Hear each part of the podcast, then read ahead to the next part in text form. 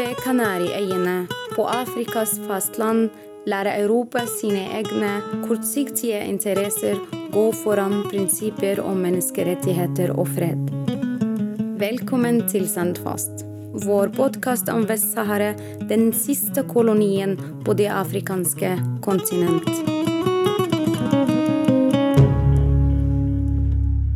I dag skal vi rett og slett bli kjent med en frivillig i Vest-Sahara-bevegelsen. Hun heter Becky Allen, hun er britisk og akkurat nå på et kort besøk her i Oslo. I et helt år bodde hun blant mitt folk i flyktningleirene i Algerie. Det som er spesielt med Becky, er at hun har vært lenger på besøk i flyktningleirene i Algerie enn de fleste andre. I et helt år bodde hun i samme nabolag som jeg selv er født og oppvokst i. Welcome, Beccy, to this podcast and to Oslo. Hi, nice to see you today. Why Western Sahara? So, um, a very long time ago, back in uh, 2005, I was uh, studying on a year abroad in Salamanca in Spain.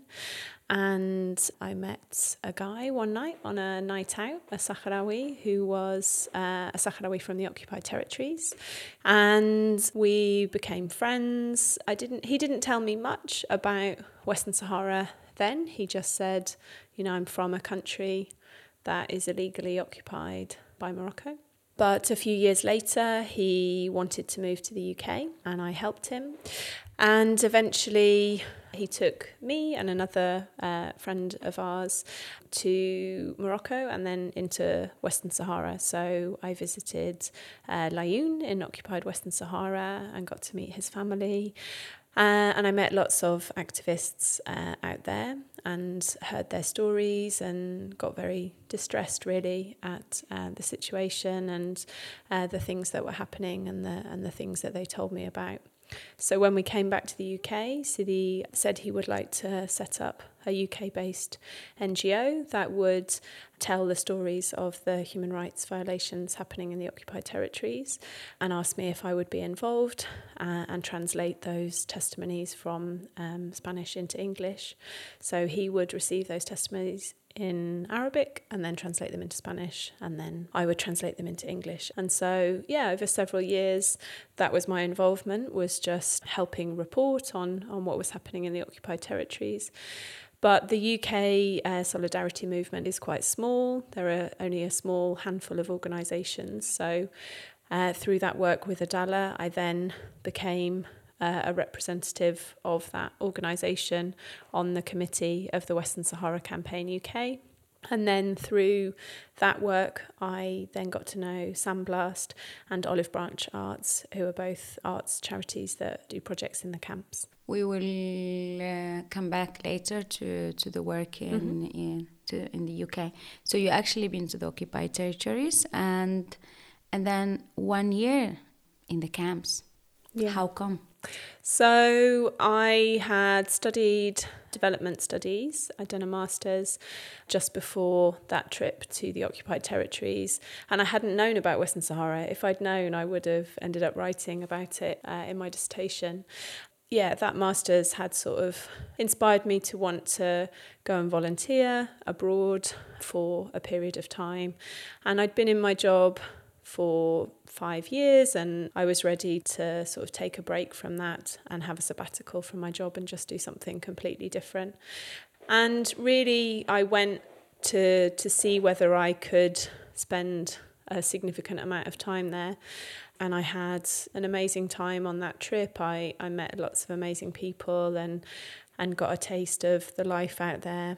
How is it to run a, a marathon so, in, in the in the desert? Yeah, the beginning of the half marathon course is really hard because you have to you spend um, about three kilometers just going up a sand dune, and it's really hard because the sand is soft in your feet. And it took me about half an hour to run three kilometers. And i just thought i'm going to be out here forever and i'm going to burn.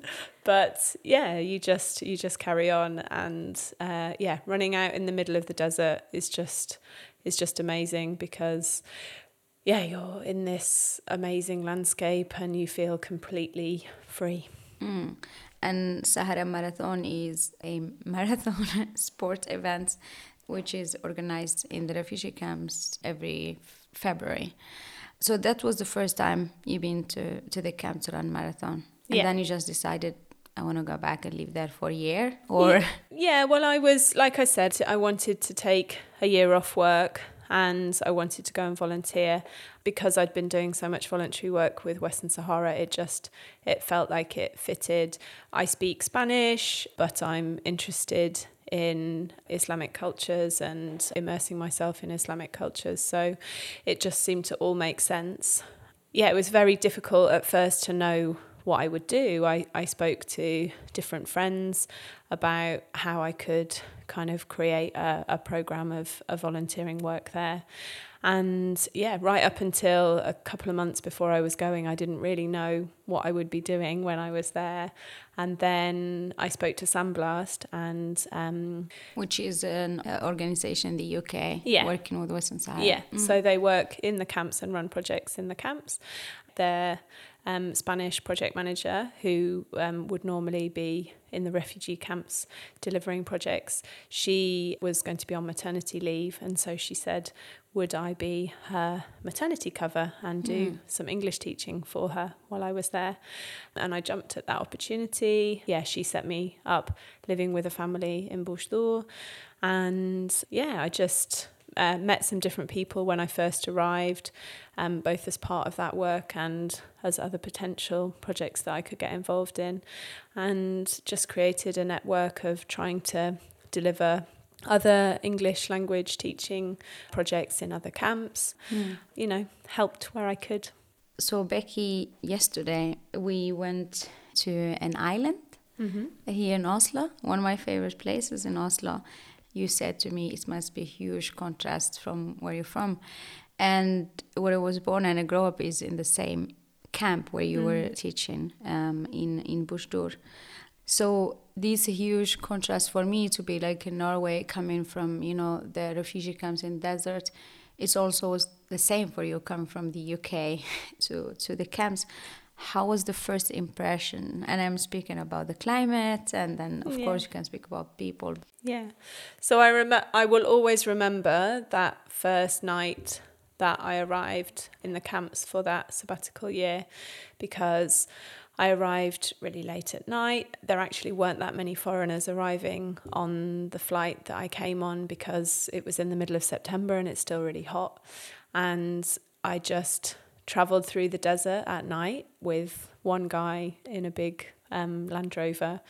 And yeah, I just remember the smell of the hot air. You know, like I've been to hot countries before, but the smell of the heat in the desert is completely different. And I, you know, I just remember having my arm out of the window and looking out across the desert through the lights of, of his car and and just thinking, yeah, I'm here and this is this is something so completely different. And then arriving in a camp that wasn't a camp I'd been to before, so I, I didn't recognise anything. It looked very different to Smara when I'd been to do the race. And yeah, I just remember, oof, I remember the heat, just incredible heat that I'd never really felt before because it came off all the stone off the buildings. And I suppose the biggest thing for me was just that I didn't see any water or hardly any trees for the mm. whole of, of the six months that I lived out there. And when I returned to the UK, I just realised how how much things like that were so important to me, and I'd mm. taken them for granted for so long. Uh, where I live in London is right by a park, and I, I cycle downhill from my house to the area where I live and into work. And yeah, I just remember that the the trees have a smell and and rain on trees has a smell and I'd never realized that smell existed until I hadn't smelt it for 6 months and I'd lived somewhere so completely different. You arrive to the camps and you stay with the Sahrawi family, mm-hmm. and then you start right to work, and you work as a volunteer teacher. Could you just talk about the the work you did there and like the daily routine and how yeah. yeah so yeah just at first i had very little to do in the day and in a way it was okay because it was so hot and it was so it would be so difficult but um, yeah i would just help a little bit in the mornings with cooking or cleaning and then we would have lunch and have a sleep straight afterwards and then you know i'd walk across across the sand in the heat of the day, really, at mm. five, five o'clock to the school, which is only about a five, six minute walk from the house. Yeah, I was just observing at first, really, seeing how things were being delivered, how the children were learning, what the lessons consisted of. The lessons were um, both music and English, so I wanted to see how I might contribute. And I just sort of started to realise that the local teachers were trying their best to deliver a creative programme that had been implemented originally. Yeah, well, was the Sandblast programme in collaboration with the local teachers, but that maybe they needed some new ideas and some new ways of working. And that was kind of my speciality because I work in creative education in the UK. I sort of changed the format of the classroom straight away. I said, you know, can we move these benches to the side and can we have the children sitting in a circle and um, how old are the children so the, children are all primary age so mm. when i when i was working there they were probably between the ages of seven and nine mm. yeah i mean there were difficulties from the beginning as well because i found it very hard to witness some of the ways that the local teachers would discipline the children mm. based on the discipline methods that were used in the primary school. And I had to talk to the teachers about that because I had to say, you know, if I saw this at home and I did nothing, I would be arrested. And, mm. you know, it's part of the very yeah, kind of fabric of my being to not be okay with physical punishment. Mm. Um, and so, yeah, I, I had to say, if, if you need to do this, I probably can't be involved in this project. So we talked about different ways that we could discipline the children and help them to understand what we expected of them in the classroom without yeah.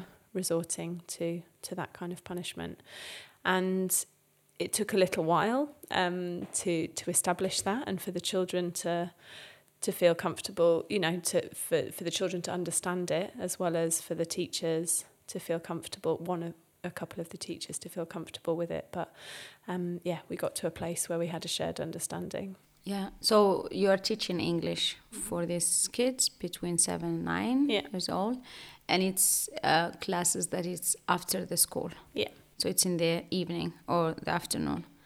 And how many kids benefits? It's all in one of the camps, right? Yeah, so we had the year I was there, we probably had two groups of 20 to 25 children, most of whom came every every day. They would come yeah, on a weekly basis. And they were following specific music curriculum. And I was developing some new English curriculum on top of that. And yeah, then we provided a healthy snack for the children once a week on the last on the last day of the week as well. Hmm. Yeah, I, I think it's very. Um, I was smiling when you were talking about the discipline uh, part. Yeah. I have the same impression when I travel to Norwegian schools or I see how teaching. I'm like, wow, it's so relaxed compared. so, where you stayed in the camps, you were only teaching for all this uh, period. Were you going to any classes to learn Hassaniya? I didn't, Arabic? unfortunately, because for me, Spanish isn't isn't my first language. It's it's my second language, and I yeah.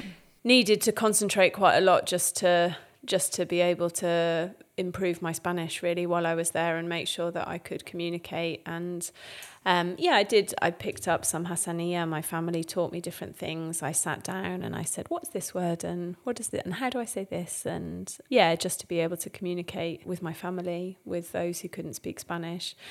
But yeah, I regret not doing more Hassaniya while I was there, but I didn't know about any kind of formal classes that were happening. And really, I wanted to use my time to kind of help everybody else rather than to kind of educate myself, I suppose. So, do you feel like you were integrated in Sahrawi society? Look, um, I am yeah. I am foreigner. It's like always about integration. People yeah. should integrate. But how was the um, eh, like? What was the mm, you know some social things that maybe shocked you or impressed you in yeah. the Sahrawi society? And I mean, we just talk about the school different view on how to discipline kids. Yeah. So I suppose yeah, that there were lots of things I found difficult about the ways that I suppose women are viewed sometimes uh, in family life.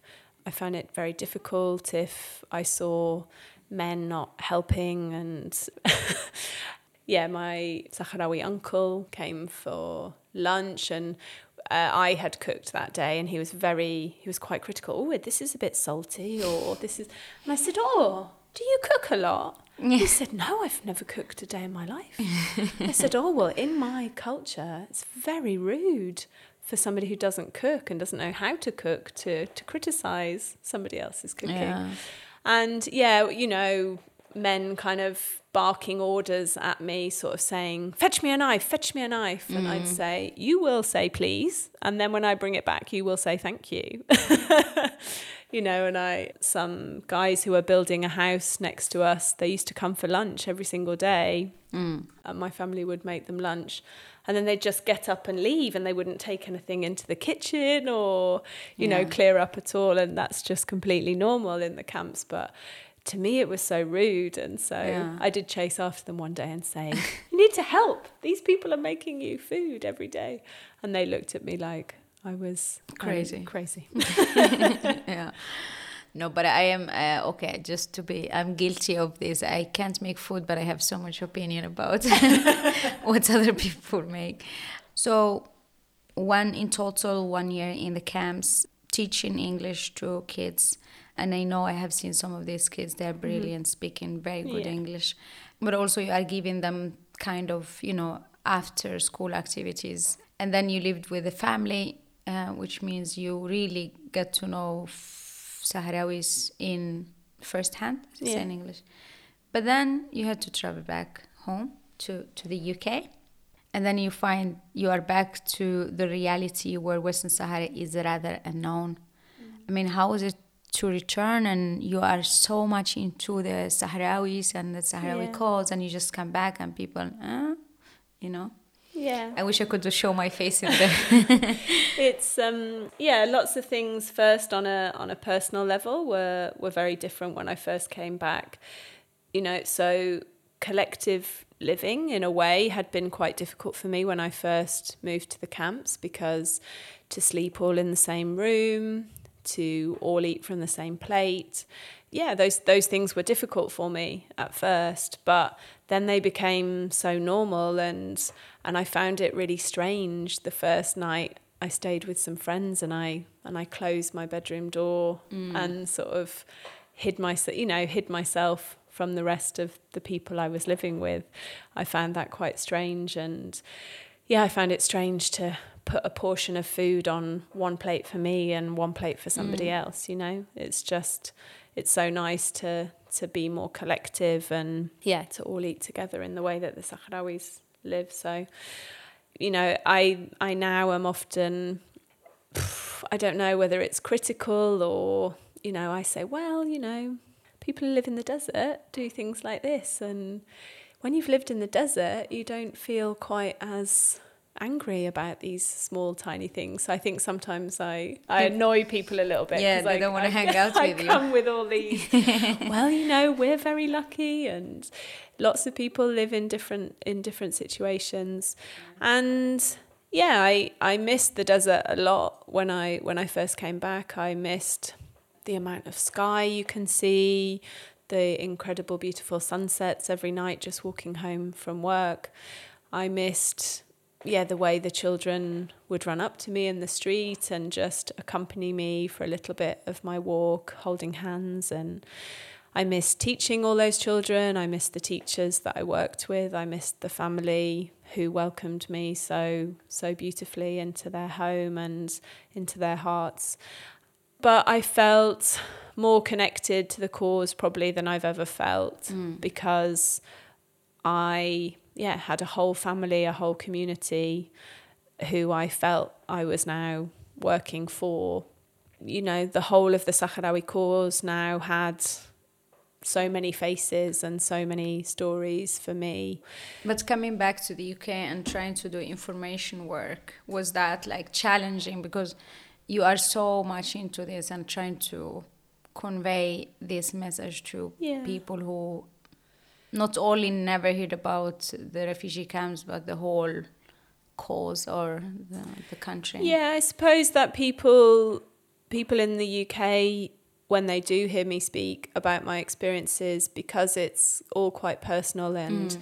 and has yeah like human stories as part of it i think in a way that is that connects with people more than just listing human rights violations mm. that are happening in the occupied territories you know those things are incredibly important and they're they're happening on a daily basis and it's really essential that we talk about them but actually you know people want to connect with with human stories and understand all that you know obviously those are human stories what's happening in mm. the occupied territories but yeah I was able to just talk about the strength of the Sahrawis, the resilience in, you know, living in these harsh conditions in the desert. And, you know, I'd lived them myself, so I could talk about them in a different way. And I think that was, yeah, that has remained really helpful. And what do you think is the biggest challenge for your work in the UK as a eh, solidarity movement or information? Yeah. The solidarity movement in the UK is all volunteer led. So mm. that is our biggest challenge. It's always been difficult for us to get funding for the work that we do, both the kind of lobbying work that we do in the UK and the legal work that we do, and then the projects in the camps. And yeah, it's re- it's really hard. We're a small group of volunteers that work either for those individual organisations or across them, like I do yeah, it's hard because I have a full time job that mm. takes a lot of hours of my day and week. And so to find the time, no matter how committed I am, to make a difference in the UK, yeah, it's hard. It's really hard. Beccy, would you recommend any student or anyone to have one year to uh, like or travel to the camps? Yeah, I really would. It yeah, I don't, I, I still don't, you know, it's been four years since I came back. I still don't think I have processed all the ways that that experience impacted me. And yeah, it shouldn't just be about what it did for me, it should be about obviously what I was able to do when I was there. But for anybody seeking, yeah, some kind of experience of supporting a cause a humanitarian situation abroad. I think that living and, and volunteering in, in the Sahrawi refugee camps is an incredible experience. You know, it's said so often, but the Sahrawis are, are some of the warmest, most hospitable people ever. And, you know, you can go there for a week. You know, I, I did it when I went for the race, and I've, I've been there for a week or two when I've been back and you know you get you get a flavor but if you if you go and you live properly and you live like a Sahrawi as much as I can live like a Sahrawi yeah you un- you understand the cause in a completely different way. And you have a second family. You learn some of the most valuable lessons in life by living with people who have so little and you know so so little food and such limited resources but my Sahrawi sister could make anything taste amazing mm. you know but that doesn't mean that there weren't days where we didn't just eat you know plain rice with a little bit of oil and one mm. one tomato you know amongst six or seven of us and we just read yesterday the the common appeal by uh, the UNHCR United Nations High Commissions for Refugees, UNICEF, World Food Program, where they are appealing for the donors to give uh, more aid to the camps Yeah. because both the pandemic and the war in Ukraine has a huge impact on the food portion. But we take it from here. I mean, we end here. And as Beccy said, if you are seeking support or seeking to learn more about uh, Western Sahara, you should go listen to this podcast or go to our pages. Beccy, thank you very much for taking the time to be guest to Sandfast and thank you for coming to Oslo. It was my pleasure. Thank you.